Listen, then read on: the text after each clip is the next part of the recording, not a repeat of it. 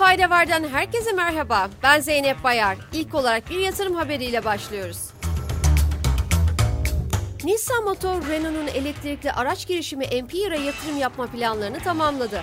Ayrıca iki şirket arasındaki sorunlu otomotiv ittifakını tekrardan dengeye oturtmak için aylardır süren müzakerelerde sonuçlandı.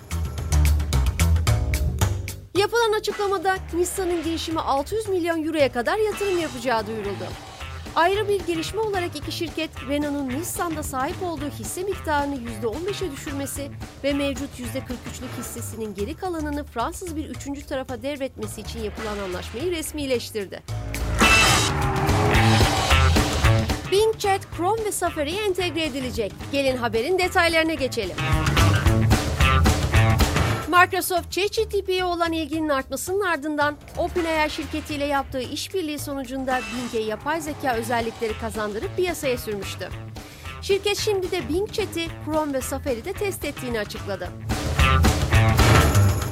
Microsoft yetkilileri tarafından verilen bilgide standart test prosedürleri tamamlandıktan sonra erişimin daha fazla kullanıcıya sağlanacağı belirtildi.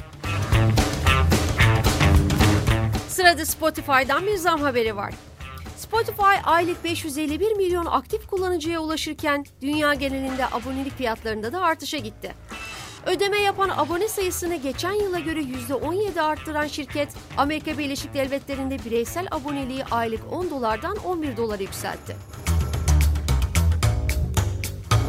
Spotify Türkiye'de abonelik ücretlerine son olarak Şubat ayında zam yapmıştı. Bu zammın üzerinden henüz neredeyse 6 ay geçmişken Türkiye'de bir kez daha fiyatları artıran şirket 24 Temmuz itibariyle bireysel premium aboneliğinin aylık ücretini 30 TL'den 40 TL'ye çıkarmıştı. İlginç bir açık arttırma haberiyle devam ediyoruz. Apple logolu bir çift ayakkabı müzayede ve Sotheby's tarafından 50 bin dolar yani yaklaşık 1 milyon 350 bin TL başlangıç fiyatıyla açık arttırmaya çıkarıldı. Şirketin 1990'larda bazı çalışanlar için yaptırdığı ve Apple'ın gökkuşağı renklerindeki eski logosunun yer aldığı bu ayakkabılardan daha önce satışa çıkan hiç olmamıştı. Japonya'nın dizginlenemeyen nüfus hızı düşüşüyle veda ediyoruz. Japonya hükümeti verilerine göre ülke halkının nüfusu şimdiye kadarki en hızlı düşüşü gösterirken ülkede ikamet eden yabancıların sayısı yaklaşık 3 milyona yükseldi. Açıklanan veriler Japon toplumunun ülke genelinde yaşlandığını ve yabancı uyrukluların azalan nüfusu telafi etmede her zamankinden daha büyük bir rol oynadığını gösterdi. İçişleri ve Haberleşme Bakanlığı tarafından yayımlanan 1 Ocak 2023 tarihli ikamet verilerine göre Japon vatandaşlarının sayısı 14. yılda yaklaşık 800 bin kişi azalarak 122 milyon 42 bine geriledi.